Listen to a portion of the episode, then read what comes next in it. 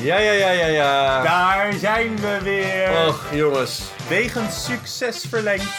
Ja, ja. We hebben meerdere vragen en eh, opmerkingen gekregen dat we echt niet moesten stoppen. Want wat was een succes, hè, die eerste? Oh, zoveel goede reacties gehad. Ja. Op de gang. De podcast met Julian Jachtenberg en Ruben Hoekstra. Ehm, dit is een podcast die wij eigenlijk eh, vooral voor onszelf maken. Dus het is voor ons eigenlijk een sociale samenkomst. Waarin wij worden geforceerd om onze opinie te delen. En een diepgaand gesprek te hebben. En waar we jullie als vrienden graag bij willen betrekken. Ehm, dus luister vooral, reageer mee in de groepsapp, in de groepsmail. En eh, we horen graag wat jullie ervan vinden. Ja, we hebben ook geluisterd naar de feedback van de eerste podcast. Hè? Dus we hopen al dat deze een stuk beter zal zijn. En eh, Dat de luisteraars dat ook weer terug horen, inderdaad. Ja. jullie zijn onderdeel, jullie zijn de co-creatoren van deze podcast. Dus, eh, anyways. We beginnen altijd met het voorgerecht. Hè? We heten op de gang en we hebben diverse gangen. En bij het voorgerecht hebben we altijd een terugkomende vraag. En ik heb een hele mooie vandaag voor jou, Ruben. Oh, Eh, Ik ben benieuwd. ja, hij luidt als volgt. Wat voor moois, wat, wat voor kleins heb jij meegemaakt deze week in het openbaar? Oeh, Moet even nadenken. mooie hè? vraag. Nou, Ja. ik weet het eigenlijk meteen al. Ik Zo. heb namelijk eh, deze week iets eh, gedaan dat ik nooit eerder heb gedaan. Ehm, ik zit elke dag zit ik in de biep. En ehm, nou, daar zitten heel veel mooie mensen. Mannen, vrouwen en alles daartussenin. Ehm, en één meisje heb ik altijd oogcontact mee. En dat is een eh, meisje dat ik helemaal niet ken. Ik, weet niet hoe ze, ik wist niet hoe ze heette en ik weet verder helemaal niks van haar. Ehm, maar ik eh, vond haar wel heel interessant. Dus ik heb al mijn moed bij elkaar gesprokkeld. Heb op een briefje iets liefs geschreven met mijn telefoonnummer erbij. En ik heb dat aan haar gegeven. Boom. En daarna heel stoer weggelopen. met, het, eh, met mijn hart bonzend in mijn keel. Ehm, Nee joh. ja, best wel, best wel een dingetje. En toen kreeg ik eh, later die dag kreeg een sms'je van... eh hoi, wat leuk om zo'n bericht te krijgen. Zullen we anders Mhm. binnenkort wat gaan drinken? X, nou en dan haar naam en ehm, eh, dat meisje uit de biep. Hoe heet ze? Ja, dat ga ik natuurlijk niet zeggen, hè? Alles is data. Alles Ja, ja, ja, is data. ja. Helder. Nou, mooi, lijkt me dat. Ik heb voor jou ook een mooie vraag bedacht, Julian. Ja. Ehm, dat is namelijk, ehm, stel dat jij één tekst op een billboard langs de weg zou mogen zetten. Dat is heel, waarvan je weet dat heel veel mensen dat gaan lezen. Wat zou die tekst dan zijn? En uiteraard, waarom? En het is gratis. Het is gratis om erop te zetten, ja. Want het kan natuurlijk nu ook, als ik het zou willen. Eh, maar dat kost me heel veel geld. Anyways. Ehm, ja, nou moet ik zeggen dat ik er stiekem al wel een beetje over heb nagedacht. Nou, boefje. Ja, ja. Want Voorbereiding is, eh, was namelijk een van de tips. Juist, dus bij deze. Huppatee, kan je nu niks meer over zeggen. Mondje dicht. Ehm, nee, wat ik denk ik op een eh, bord zou zeggen, en hij klinkt een beetje luguber, maar het is later dan je denkt.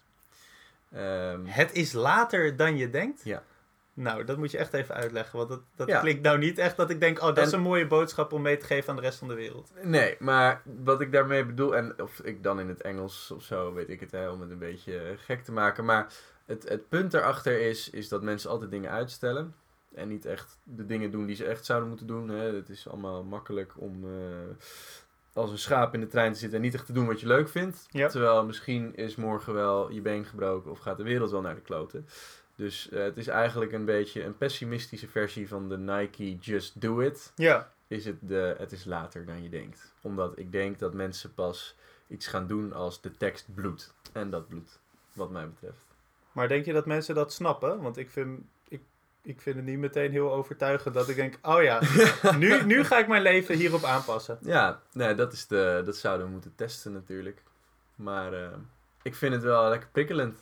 Want just do it. Ja, dat, dan denkt iedereen dat dit Nike is. En dat, eh, Ja. het is natuurlijk een echte Jachtenbergje dit. Maar het idee erachter is wel mooi. Is wel positief. Nou, vind ik wel. Ik denk dat veel te veel mensen gewoon in een, eh, in een, in een bubbel leven en niet verder kijken dan een neus lang is. En het is allemaal makkelijk. En dan pas als het te laat is, hè, dan gaan ze pas iets doen. Maar dan is het al te laat. Dan zijn ze al eh, bejaard. Of dan, eh, En het, het is voor heel veel vlakken. Hè? Het is niet alleen dat je misschien met je baan moet stoppen. Ja, ik snap het. doen. nou, ik vind het, ik vind het idee heel mooi. Ja. eh, en ik vind de tekst niet zo overtuigend. maar goed, ik hè? ga erover nadenken. Ja, het lijkt me hartstikke goed. Ja. Dames en heren, waar wij het vandaag graag over willen hebben, is iets dat mij erg aan het hart gaat. En ook velen van ons aan het hart zou moeten gaan. Daar gaan Ja. we het vandaag over Een hebben. kopje thee trouwens. Oeh, lekker Julian. Voor de kijkers ook. Dat is nu ook een beetje. Sorry dat ik zo heel abrupt Heerlijk. Onderbreek. Nee, prima. intro. Nog een keer, sorry. We willen het namelijk graag hebben over, over duurzaamheid. Een eh, nogal belangrijke topic heden ten dagen.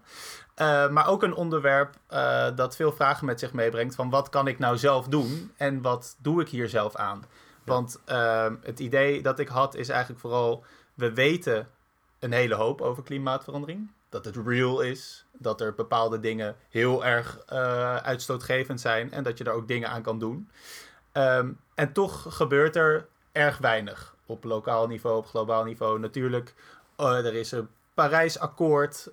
dus mensen worden af en toe vegetariër. Er is meer bewustwording. Maar eigenlijk is het nog bizar dat we eigenlijk best wel doorleven zoals we dit al jaren doen. Eh, terwijl we weten, als we zo doorgaan, dan gaat het gewoon niet goed komen deze, met, met deze aarde. Dus eh, ik wilde daar graag eh, het over hebben vandaag met jou. Dus eigenlijk is mijn eerste vraag, Julian, van wat, wat doe jij zelf aan, aan duurzaamheid? Ja. Poeh, het is wel natuurlijk een onderwerp waar je wat uit je neus komt zetten. Tenminste bij mij. Ik kom er een beetje lijp van. Maar ik ben benieuwd of we de clichés gaan ontwijken vandaag. En of we echt tot nieuwe inzichten komen. In plaats van eh, denk om die zielige ijsbeer. Laat ik daarmee beginnen. Of dat we moeten eh, gaan realiseren dat heel veel clichés gewoon waar zijn. Ja, zeker. Daar gaan Maar we achter komen. Daar ben, ik- ben ik benieuwd naar. Ehm, anyways, wat ik nu zelf doe aan duurzaamheid. Nou, ten eerste eet ik al heel lang geen vlees. Sinds wanneer? Sinds dat ik zes ben. Dus dat is ook wel echt met de paplepel ingegoten. Ja, dat maakt het ook wel, denk ik, makkelijker. Ehm, maar als ik nu zou moeten stoppen in bepaalde dingen in mijn dieet, zou ik dat moeilijker vinden. En het is nu echt gewenning, dus eh, er komt geen vlees meer in. En dat voelt eh, heel normaal. En ben je door je ouders ook echt, is het echt uitgelegd van eh, jij eet geen vlees, want dit en dat? Of was, je, was dat je eigen keuze toen je zes was? Nee, dat was wel degelijk mijn eigen keuze. Ik moet wel zeggen dat we dat gezamenlijk met mijn moeder en mijn zusje hebben gedaan. Maar het kwam wel eh, uit, ja, een, een ja, ervaring dat ik opeens realiseerde... hey, de Bob de Bauer boterhamworst is niet alleen maar een leuke gimmick. Nee, dat is ook daadwerkelijk die lieve pony, die ik ook heel lief vind.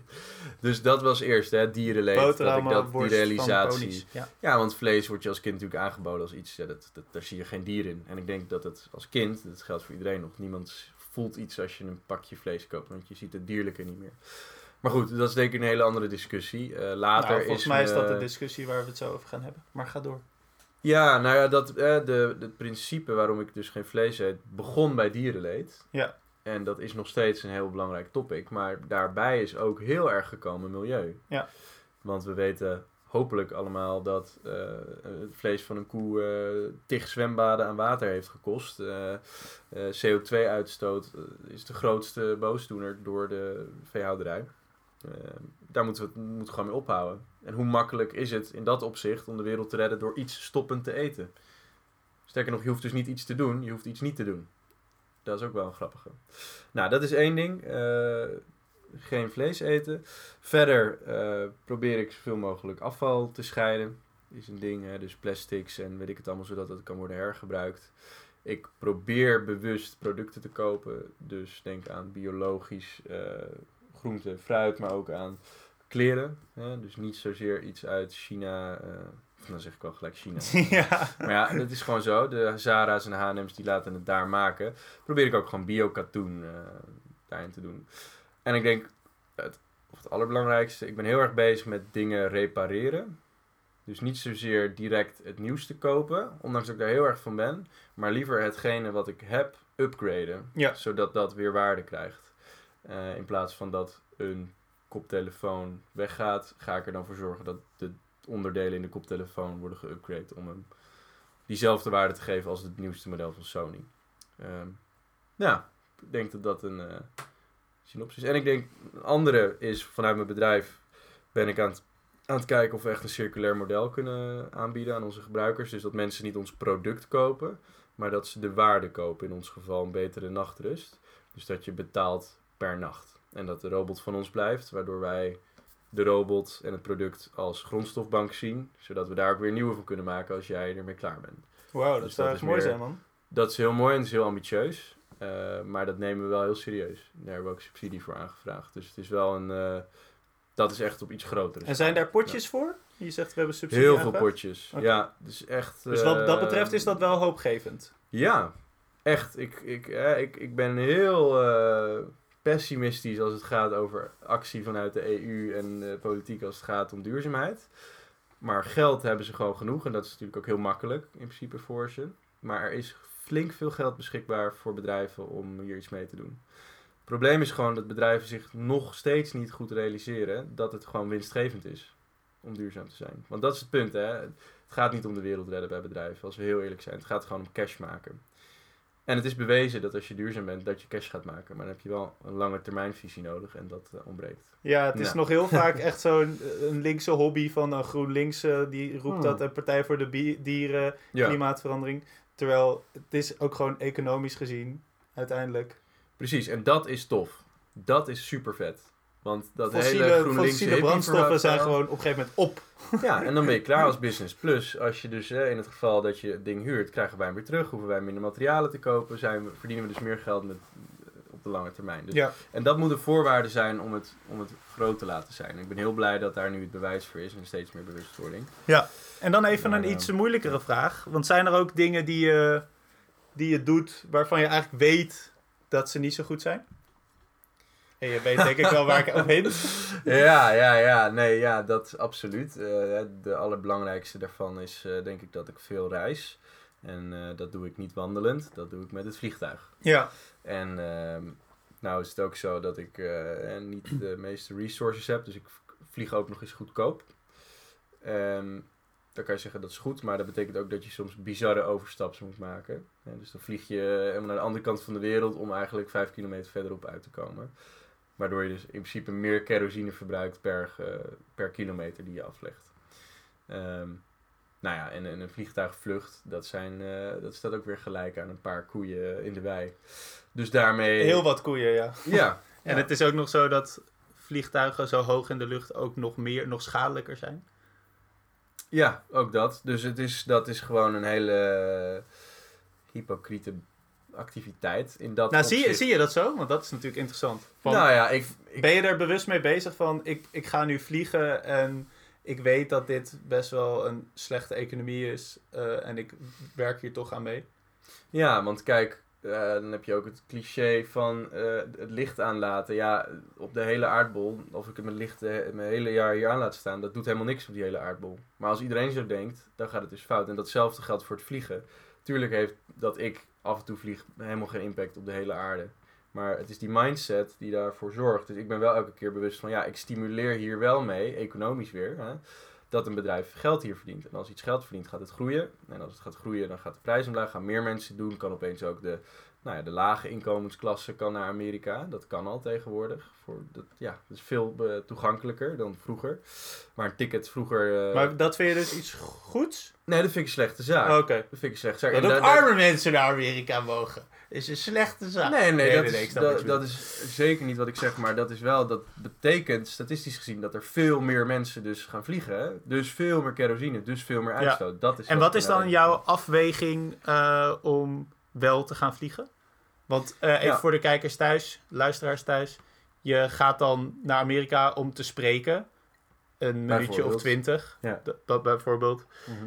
Ehm, dus die, je doet dat dan voor 20 minuten spreken. Ja. Hoe, hoe, hoe verhoudt zich dat tot elkaar dan?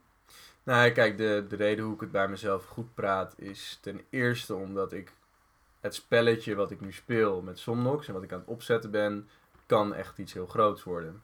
En de invloed die zo'n 20 minuten spreker heeft in Amerika op die business van Somnox en om uiteindelijk een circulair model aan te dragen, die is er gewoon keihard. Ehm, en dan denk ik, nou ja, wat ik dus nu schade doe, is minimaal ten opzichte wat het in de toekomst, lange termijnvisie, mogelijk kan opleveren. Maar goed, eh, als het eh, niet lukt, dan is het dus gewoon. eh, Ja, nee, ik, gevat. Ja, het dus zo praat ik lijkt nu alsof ik jou heel erg aan het aanvallen ben hoor. Maar dat, ik speel natuurlijk even advocaat van de Nee, maar is leuk. Maar ja. ik vind het juist goed, denk ik. ehm, ik denk dat dat ook het belangrijkste is. Dat je in ieder geval bewust bent van dat je daarmee bezig bent. Want Ja. zeker als je uiteindelijk een circulair mo- model kan implementeren. Dan, ja, dan weegt dat gewoon niet tegen elkaar op. Dan is dat gewoon mooi. Weegt wel tegen elkaar op. Ja, klopt. Maar goed, dat, dat kan ook mislukken natuurlijk. Eh, maar je moet, het, eh, je moet dat wel proberen. Ja. Ja. Maar dat, ja, dat is wel lastig. Ik, ik, ik, voel daar wel een... eh, Wat voelt het hypocriet? Nou ja, een, een, een beetje. Een beetje. Want aan de ene kant zeg je, ja, je bent duurzaam, maar aan de andere kant vlieg je dus ook de hele wereld over. En ja, zolang het dus altijd in dat er progressie is in dat plan, en ik zie ook echt dat het meerwaarde heeft om daar naartoe te gaan, dan blijf ik het doen. Ja. Maar zodra ik zie, ja, dit is meer omdat ik het gewoon lachen vind om naar Amerika te gaan, ja, dan, eh, dan misschien niet. Ja, want je vertelde mij vanmiddag wel dat je voor heel weinig geld dan naar Kroatië kan vliegen en dan op een boot. Ja. Eh, en dat, dat is toch puur ter vermaak. Terwijl je kan ook naar Friesland fietsen Ja. en daar een zeilboot hu- huren. En wat, hoe, zie, hoe zie je dat dan? Ja, nou, dit is een hele eh, ja, gewetensvraag wederom. Heel goed. Kijk, ik denk, je maakt een afweging en uiteindelijk is iedereen egocentrisch. Denk je dat? Ja, dat weet ik zeker. Dat weet je zeker. Ja, Waarom is iedereen egocentrisch, Julian? Ja dat is een hele, hele interessante vraag met een heel lang antwoord. Misschien kom ik er zo op als ik het eh, met dit voorbeeld aanhaal. Maar in de afweging of ik naar, eh, even snel naar Kroatië wil om daar te gaan zeilen eh, met het vliegtuig. Nou ja, bij mij staat niet op nummer 1 ten allen tijde duurzaamheid. Dat is niet de allerbelangrijkste factor. Er zijn natuurlijk heel veel factoren in die keuze. Hè. Denk vermaak en ontspanning zijn heel belangrijk bij mij. En ik weet ook dat het investeren in vermaak en ontspanning weer zorgt voor dat ik beter kan, productief kan zijn en effectief kan zijn. En daarmee weer mijn masterplan kan bereiken. Maar goed, zo kun je alles goed lullen. Maar Nou, het is wel interessant hoe dat dan werkt. Want zo kun je wel inderdaad alles wat goed is voor je, kun je legitimeren, omdat het uiteindelijk ja, misschien resulteert in een prachtig product, een Somnox eh, circulair model. ja. ja, precies. Maar dat is inderdaad dan wel eh, altijd daaraan relateren. En eh, ja, alsnog wel gebruik maken. Dus. En het stimuleren van die goedkope budget airlines. Ja. Die er wel... Maar even, hè, statistisch gezien is de, vlie- de, de vliegtuigmaatschappij en die reizen is niet de grootste boosdoener. Waar de wereld naar aan de kloten gaat. Ik heb even niet de statistiek voor me. Wel leuk om misschien zo er even bij te pakken. Maar de veehouderij heeft de meeste impact op dit moment. En, en auto's. Dat we allemaal auto's lopen te maken. En dat, dat, er, dat er een lineaire economie bestaat waarbij een product koopt. En wat nu gewoon echt, ik heb het gezien, in Flevoland gewoon onder de grond wordt begraven. Omdat we niet weten wat we ermee moeten doen. We kunnen het niet in de fik steken, we kunnen niks. En daar moeten we naar kijken. We moeten kijken waar we met de minste moeite de meeste impact kunnen hebben. En dan kunnen we het hebben over vliegen. Maar ja, misschien is dat niet het eerste waar we de meeste impact gaan bereiken. Dus ja, de- zo legitimeer ik het voor mijzelf. Ja, nee, want dat is interessant, Ja. want het, het eigenlijk staat, het, alles hangt met elkaar samen. Het staat niet los van elkaar. Dus het is niet zo dat omdat eh, misschien ehm, auto's en de veehouderij nog schadelijker zijn, dat dan opeens, dat je dan kan legitimeren dat je af en toe vliegt. Het Ja. heeft allemaal met elkaar te maken, denk ik. Ehm, en nou, ik vind het heel interessant dat je dan een vergelijking maakt met andere sectoren, waardoor het opeens gelegitimeerd zou zijn. Ik denk dat je het echt allemaal samen moet zien. Ehm, en ik denk dat het daarvoor misschien wel mooi is om een eh, term te introduceren, namelijk eh, het antropoceen. Ken je die term? helemaal niks. Nee? Nee. Nou, antro betekent mens en prode- betekent tijdperk. We hebben in, eh, met aardrijkskunde hebben we al die tijden gehad, al die tijdvakken, het Holocene en zo. Daar leven we nu officieel nog steeds in. Alleen eigenlijk zeggen geologen, maar nu ook filosofen, van wij hebben als mensheid zo'n grote invloed op de aarde, op de aardkorst zelf, Mhm. Ehm, dat eh, je ook gewoon in de grond kan zien dat wij mensen daar een invloed op hebben. Ehm, dat eigenlijk dat hele tijdvak het tijdvak van de mens zou moeten zijn. En het verschilt dan een beetje sinds wanneer dat zou moeten zijn. Sommigen zeggen sinds wij hele grote dieren zoals mammoeten zijn gaan vermoorden. Anderen zeggen sinds we met de landbouw zijn begonnen, dat we toen echt de natuur naar onze hand zijn gaan zetten. En anderen zeggen nee, eigenlijk pas sinds met het einde van de Tweede Wereldoorlog met eh, kernenergie. dat we toen echt dingen zijn gaan muteren en echt Mm. radicaal zijn gaan veranderen.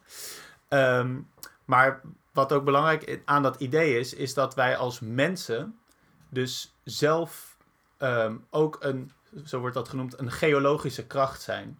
Hmm. Dus wij moeten onszelf, zou, zou mooi zijn als we onszelf veel meer zien als onderdeel van één groot ecologisch systeem. ja. Dus alles wat wij doen in deze natuur, want we leven met z'n allen op deze aarde, ehm, heeft invloed. Dus als jij, eh, dat vind ik ook een heel mooi idee. En ik denk dat als je je meer bewust zou zijn van het feit dat je een onderdeel bent van dit grote geheel, Mhm. dat het ook veel logischer is om respectvol met de natuur om te gaan. Om bijvoorbeeld ehm, meer na te denken over je vleesconsumptie, over je, eh, over je vlieggedrag. als, je, als we de mens veel meer zouden zien als een, als een onderdeel van die natuur zelf. Hmm. Want nu wordt het heel erg gedaan van we moeten de natuur redden. Wij mensheid moeten de natuur redden. Terwijl wij mensheid zijn onderdeel van die natuur. Dus Ja. het, het gaat vooral ook over dat wij ehm, onszelf moeten redden omdat wij onderdeel zijn daarvan. ja. Ehm, en een, een ander mooi, eh, mooi concept vind ik ook slow violence. Van Robert Nixon, een boek van hem. En eh, dat gaat dan over klimaatverandering. ja. En hij zegt eigenlijk, eh, klimaatverandering is zo groot voor ons. We beseffen het niet echt. We weten het allemaal wel. We Mhm. weten dat het gebeurt en we weten dat het problematisch is en zelfs gevaarlijk eh, voor, ons, voor ons voortbestaan. Ons mensheid als onderdeel van alles. En toch doen we niet zoveel Mhm. gaan we gewoon nog door met ons leven. En dat is eigenlijk omdat nou, de, de- dat geweld is zo langzaam Ja. dat we het gewoon niet kunnen ehm, graspen. Wat is een mooi woord daarvoor. We kunnen het niet vatten. ja. We kunnen het dus niet vatten. Ehm, dus daarom ehm, is, het, is het ook heel moeilijk om mensen over te halen om eh, iets aan klimaatverandering te gaan doen. En dat is mooi wat jij zei van, ik heb ook andere sores. Ik, heb, namelijk, ik wil het ook leuk hebben. Ja. En eh, ik eh, vind het ook belangrijk dat ik af en toe naar mijn ouders toe ga. Hmm. Ehm, en daarvoor neem ik de trein eh, of met de auto. En ik heb dat zelf ook als mijn ouders voorstellen om mij op te halen met de auto vanaf station Schothorst. Oeh, data. Eh, dan, ehm, dan zeg ik ook Hmm. heel erg ja. En dat brengt me eigenlijk op het volgende. Dat het heeft dus heel erg te maken met gewoontes. We zijn zo gewend om vlees te eten. We zijn zo gewend om het vliegtuig te pakken. Mhm. eh, om de auto te gebruiken. Om veel te consumeren. Om nieuwe dingen te kopen. Dat zit zo in ons systeem. ehm, dat dat heel moeilijk is om dat eruit te krijgen. ja. Want we weten het wel. ja. Maar het is heel moeilijk om van die gewoontes af te komen. Dus ik heb daar even iets eh, over opgezocht. Ehm, dat is ehm, een, een- destijds was dat een 17-jarige filosoof, Julian. Ja, je, je kan het je 17 bijna niet voorstellen. Eh, maar het was in eh, 1548 en deze filosoof heette Etienne de la Boutier. Ehm, en hij, hij wijst erop dat je heel gemakkelijk wendt aan slechte gewoontes. Eh, je bestempelt die dan als zo hoort het, het is vervelend, maar ja, daar is niet zoveel aan te doen. Ehm, en dat, dat vinden we gewoon oké, omdat er genoeg afleiding is. En dat houdt de mensen dan weer relatief tevreden. Want er zijn ook allemaal andere dingen die we belangrijk vinden. En daarnaast wordt de macht van de machthebbers in stand gehouden door een groep actieve mensen en meelopers die daar persoonlijk belang bij hebben. Zoals nou, de grote industrieën, eh, de vleesindustrie, de Ja. boeren, eh, vliegtuigmaatschappijen, de overheid, eh, iedereen. Dus in het licht van de klimaatverandering zou je, is dus vlees eten is een gewoonte, vliegen, autorijden, consumeren. En daarnaast hebben we allemaal andere dingen die op de korte termijn veel belangrijker lijken voor ons. En er zijn dus overheden en bedrijven die er economisch gezien op korte termijn, Mhm. want jij zei nou, op lange termijn is helemaal niet slim, maar op korte termijn daar het meeste aan hebben. En dat, Mm. dat zorgt er dan voor dat, ehm, dat die gewoontes in stand worden gehouden. Ja. Dus het is heel moeilijk om daar tegenin te gaan. En ga je daar tegenin, eh, je bent bijvoorbeeld een vegetariër of je zegt tegen je ouders van nee, je hoeft me niet op te halen met de auto, ik pak wel de fiets. Ja. Dan ben je opeens het overdrijven. Want dan is het jeetje man, waar, waarom doet iedereen zo moeilijk tegenwoordig? Ja. En ik krijg ook, nou ik ben ook vegetariër en je krijgt best wel vaak het verwijt, heb jij misschien ook wel, dat je hypocriet bent. Hmm. Terwijl ik denk dat er een heel groot verschil is tussen, tussen hypocriet zijn en, ehm, en het goede doen. Hmm. Ehm, want ehm, het, het is wel zo dat het inconsequent is misschien. Want ik ga dus wel af en toe met de auto als ik naar mijn opa en oma ga. Of nou, wat ik zeg, van het station wordt opgehaald. ja. Maar dat, die, die, die hele kleine stukjes vlees in mijn tortellini, die eet ik principieel niet. Dus dat is, ja, dat is inconsequent.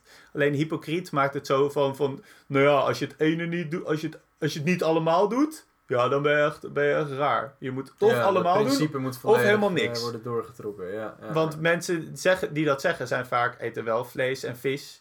Ehm, dus nou, dat is dan... Maar naar mijn idee is dat ook gewoon omdat ze zich voelen, voelen aangevallen. En ze willen eigenlijk niet worden geconfronteerd als ze een lekker eh, hapje nemen. Van, oh, daar heeft een dier aan gezeten of ik moet me schuldig voelen. Als iemand zich schuldig voelt of zijn, of zijn ego wordt aangetast... en dat is wederom een reden voor mij om te zeggen dat iedereen super egocentrisch is... dan wordt het gelijk, nee, jij bent de Sjaak om eigenlijk jezelf te verdedigen weer daarin. Ja, dat, is, dat maakt het heel moeilijk en ook eh, zonde.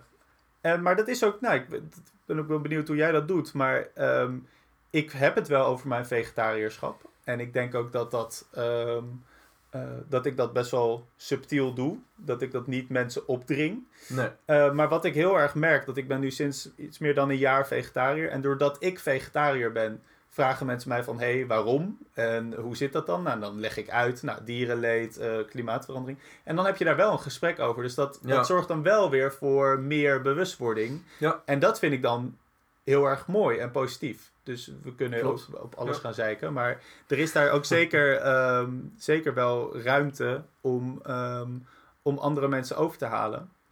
Ehm, want mensen inderdaad, als je soms maak ik dan wel een grapje van nee, ik, doe dat, ik, ik eet dat niet. Mhm. dat, dat is wel mooi als, als een schaal rondgaat, met bitterballen bijvoorbeeld, Ja. en jij slaat over, Mhm. van nee, sorry, ik eet geen vlees. Die volgende daarna, Die voelt zich gelijk... eh, die voelt zich, ja, die heeft dan het idee van shit, ik, ik doe iets verkeerd. Ja, ik ik, ben onethisch. Ja. En dat, dat is wel ehm, een interessant fenomeen, denk ik. Ehm, want aan de ene kant is het, is het waar. Want nou, het is, denk ik dat we wel redelijk kunnen zeggen dat het beter is om geen vlees te eten voor het milieu en voor dierenleed. Mhm. Ehm, maar het bevestigt ook enorm dat die, dat die gewoontes die we allemaal hebben, dat die, dat die lang niet allemaal goed zijn. Nee. En die worden pas duidelijk als er een paar mensen daartegen ingaan. Hmm. Dus ik heb al een paar keer nu ook gezegd van, ik ga niet vliegen. Ja.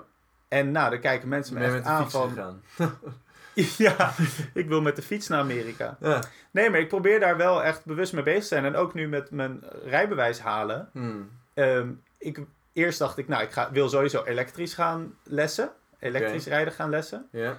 Ehm, wat ook al, waar je ook al allemaal rare gezichten van krijgt. Ik zie jou nu ook lachen. zeggen, Ja. Ehm, maar nu zit ik zelfs te denken, waarom moet ik überhaupt een rijbewijs gaan halen? Hmm. Want ja, het is handig en bla bla bla. Maar ja, is het dat allemaal waard? Ja. En dus zo word ik misschien wel zelf steeds radicaler. Hmm. Maar het is wel... ja. Ja, het is heftig, maar het is. ehm, ja. Ja, zou ik zeggen, ik, ik, om even terug te komen op het stukje dat mensen zich voelen aangevallen. Ik denk pas dat mensen iets gaan doen als het hun eigen hachie bekommert. Zeg maar, als er nu een schooltje met kinderen in Saoedi, eh Mongolië, waar ik. Ja, nee, maar even, daar wordt, daar rijdt een bus overheen. Dat vind ik verschrikkelijk om te horen. Maar het doet mij emotioneel. Nou, het doet het me wel echt iets, maar een minuut en dan ga ik weer door. Want het heeft mij persoonlijk niet geraakt. Ja. Maar pas als mensen op de teentjes worden getrapt, en dat is een heel klein voorbeeld, hè, jij neemt wel die bitterbal, die ander niet, dan heeft het met zijn ego, met zijn status te maken. En dat is even een heel lief voorbeeld. Eh, maar ik denk dat te veel mensen zien niet nu de gevolgen van klimaatverandering. En Want- ik denk dat... Dat is, in, dat is alleen in Afrika zo. Dat is alleen, dat is ver van je bedshow. Nou, en dat is wel interessant ook in, in de beeldvorming vanuit, eh, vanuit media. Dat, eh, nou, er zijn best wel veel overstromingen, vooral in Amerika ook geweest. In het zuiden Mm. van Amerika, in het westen, in het, in het zuidoosten Florida. Ehm, en het is gewoon zo opvallend dat dat wordt bijna nauwelijks gelinkt aan klimaatverandering. Ja. Dus er gebeuren al best wel veel dingen die het gevolg zijn van opwarming van de aarde door menselijk toedoen. Maar die worden niet als dusdanig geframed. Ja. Waardoor mensen ook niet het idee krijgen dat dat een reëel probleem is. Nee. En daarin vind ik ook dat media hun verantwoordelijkheid moeten nemen. Of in ieder geval onderzoek zouden moeten doen en zouden moeten accepteren dat Ja. het met elkaar te maken heeft. Ja, maar ja, dan krijg je ook weer het stukje dat marketing-wise is het niet interessant om telkens te roepen eh, klimaatverandering heeft voor dit en dit gezorgd. Want er gebeurt fucking veel al hè, in de wereld door, doordat we dat helemaal hebben aangetast. Het is helemaal uit balans. eh, maar het is gewoon niet nieuwswaarde, letterlijk, om telkens weer te roepen, ja, er is weer een overstroming geweest omdat er te veel CO2-uitstoot is geweest, omdat we te veel vlees eten. Dat is geen nieuwswaarde. Dat willen mensen niet lezen, dat boeit ze niet. Dus misschien moeten we gewoon een PR-stunt gaan eh, ontwerpen of zo. Of een marketingcampagne. Of, Eh. een, eh, of een journalistiek platform dat niet gaat over het weer, maar over het klimaat. Oh! Wauw. nee, ja. maar ehm, En dat noemen we dan die again. die. ja, nee, dat lijkt me heel mooi. Ja. Ehm, ja, dus dat is, ehm, het is allemaal lastig. Maar ik denk dat je het goed kan samenvatten door een mooie zin Ja, eh, van mijn grote vriend eh, Rutger Bregman. ken ik niet. Moet ik die kennen? Die moet je wel kennen. Ja. Oké, wie is Rutger Bregman? Voor- Rutger voor- Bregman- Voor de luisteraars, de onwetende Nou, luisteraars. ik denk dat onze luisteraars Rutger Bregman zeker kennen. Rutger Bregman is eh, een journalist van de correspondent onder andere. Ja, Ehm, en hij ehm, heeft ook geschiedenis gestudeerd. Dus ik vind het een beetje gek om hem een historicus te noemen, maar hij heeft geschiedenis gestudeerd. En eh, hij heeft veel over het basisinkomen geschreven, maar hij heeft ook het artikel op de correspondent geschreven van... ehm, hierdoor werd ik in één klap vegetariër en hopelijk jij ook. En ik ben ook mede, naar aanleiding van dat artikel, heb ik de keuze gemaakt van ik ga geen vlees en vis meer eten. oké. Ehm, en in dat artikel zegt hij op een gegeven moment: Het is beter om inconsequent het goede te doen dan consequent het foute. Ja, ja, ja. Mooi. En dat vind ik een hele mooie, ehm, omdat dat ook met andere woorden zegt dat alle kleine beetjes helpen. Ja, Dus ook als jij heel even één tortellinietje laat staan, dan, dan, dan heeft het natuurlijk op de grote termijn, op de lange termijn, op het, in het grote plaatje heeft dat nul effect. Maar als steeds meer mensen zo gaan denken en ook nou, wat ik net zei, dat mensen in mijn omgeving naar mij gaan vragen van hé, hey, waarom ben je vegetariër? Ik heb echt heel veel vertrouwen in die bottom-up structuur. Dat er zo een, een, een gedachteverandering kan plaatsvinden. En Ja, dat we daar dat gewoon het. steeds bewuster van gaan worden. En wat we nu wel vergeten te benoemen, is dat wij hebben ook een enorme economische, sociale, culturele luxe. Mhm. Dat wij ons hier überhaupt zorgen over kunnen maken. Nou, precies. Want dat is het. Hè, onze eerste levensbehoeften zitten allemaal wel goed. Dus, maar dat hebben we denk ik de vorige keer ook over gehad. Wij zijn in het bovenste puntje van de piramide van Maslow. En dat is zelfontplooiing. De meest abstracte vorm van hè, de behoeftes vervullen. Eten in je mond stoppen, dat snappen we allemaal. Maar zelfontplooiing, I don't know. Maar inderdaad, pas als we denk ik in die eerste levensbehoeften op onze tenen worden getrapt. Hè, dat we dus niet genoeg eten meer op tafel hebben staan in de avond. Dat we niet meer veilig zijn omdat er een overstroming op de loer ligt.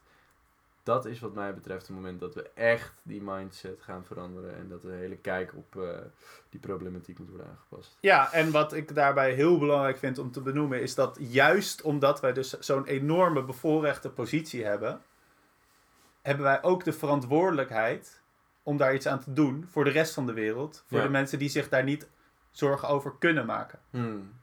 En dat is, ja, dat is een hele linkse gedachte, maar ik, Ja. ik, vind, dat, ik vind dat we dat echt hebben. En in, Maar- in the end is dat ook een rechtse gedachte, omdat dat voor ieder, uiteindelijk ehm, iedereen vrijer zal maken en meer economische voorspoed zal hebben. Maar ik ik heb nog wel een. Ben jij pessimistisch of optimistisch over die, die gedachte switch? Als in, ik ben van mening dat er, wat mij betreft, er moet iets ergs gaan gebeuren. Er moet in Nederland overstroming komen, heel Amsterdam moet verdrinken. Even iets heel erg lugubers. Dan denk ik pas dat we echt iets gaan veranderen. Of denk jij nee, we kunnen dit met debatteren, overleg, met kleine dingetjes doen. Ehm, hoe, hoe, hoe sta je daarin? Ik vind het een hele, hele goede vraag. Ehm, en ook een hele lastige vraag. Ja, tuurlijk. Nou, als je alle, als ik Maar alle artikelen... vanuit de maatschappij ge- Ja. gedacht. Geloof jij in de mens dat zij dit kunnen doen zonder dat er iets heel ergs gebeurt? Want over het algemeen, hè, als het kalf verdronken is, dempt men de put. Is Ja. ik wel een hele relevante... Ik, eh, ik denk het wel. En een, een mooi voorbeeld daarvan heb ik recentelijk ehm, gehoord. was een eh, podcast, ook van de correspondent. ehm, met een advocaat die namens Milieudefensie Shell nu aan het aanklagen is. Ja. En dus op, eh, op grond van gewoon legal, of van wetten, gewoon op grond van ehm, jurisdictie over bepaalde ehm, eh, onderwerpen, Shell aanklaagt van door jullie toedoen Ja. ehm, bestaat het gevaar dat, dat, dat voor, de, voor de mensheid. Hmm. Voor het, ik weet even niet meer precies hoe dat geformuleerd wordt, maar in ieder geval is het zo dat Shell voor 1 vijftigste verantwoordelijk is voor alle uitstoot ooit. 1 vijftigste, één bedrijf, 1 vijftigste. Be fucking zar. Ja. En ehm, zij wisten ook al sinds 1978 dat climate change echt een probleem was. En ze hebben daar toen niks aan gedaan. Ehm, of vrij weinig. Ze hebben zelfs een soort film gemaakt, maar daar is verder niks mee gedaan. Je moet die artikelen echt even lezen. Ja.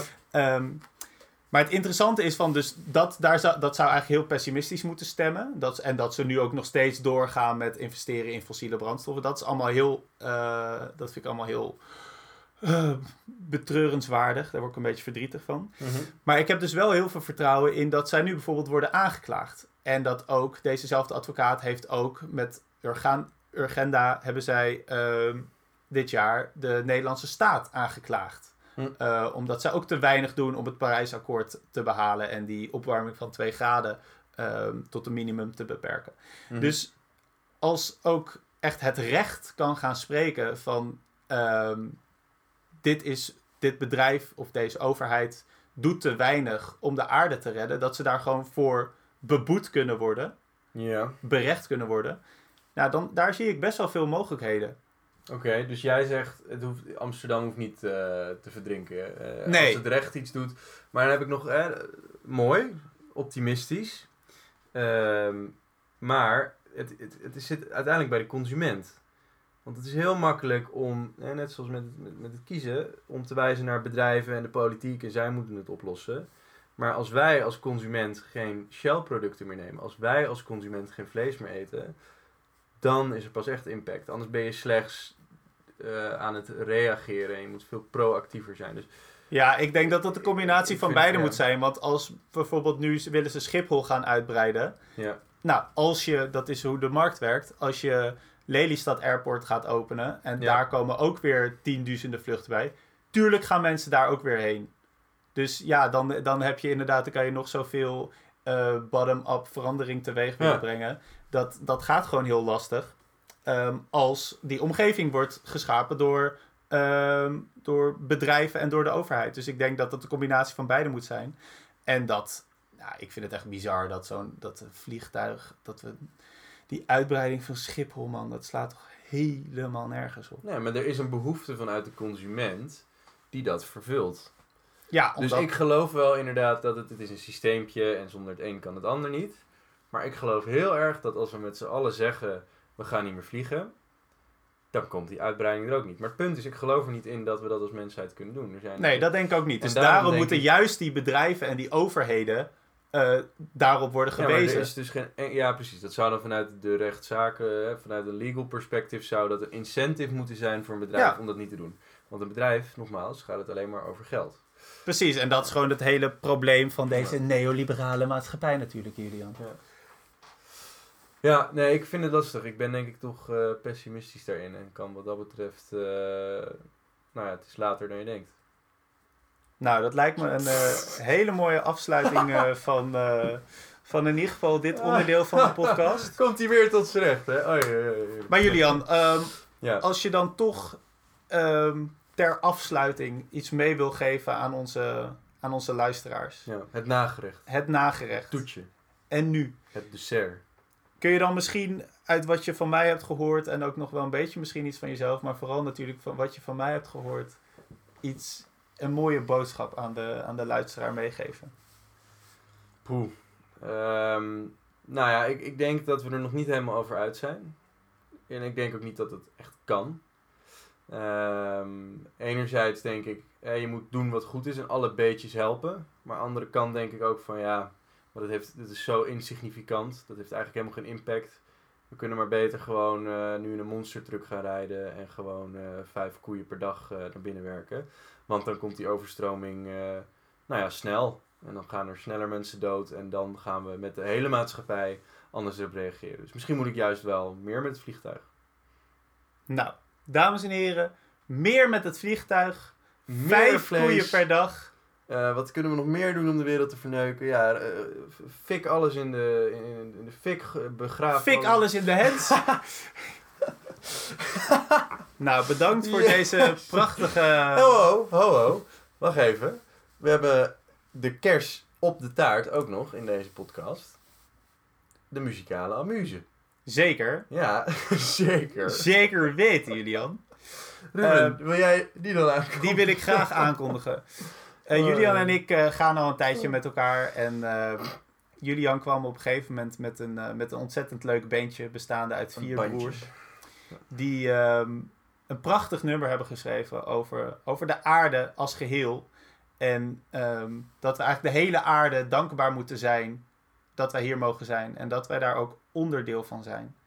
Dus daarom is hier 77 Bombay Street met Hey Planet Earth. Veel luisterplezier.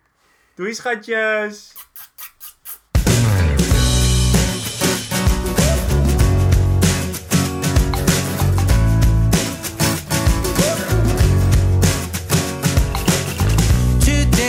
left to stay.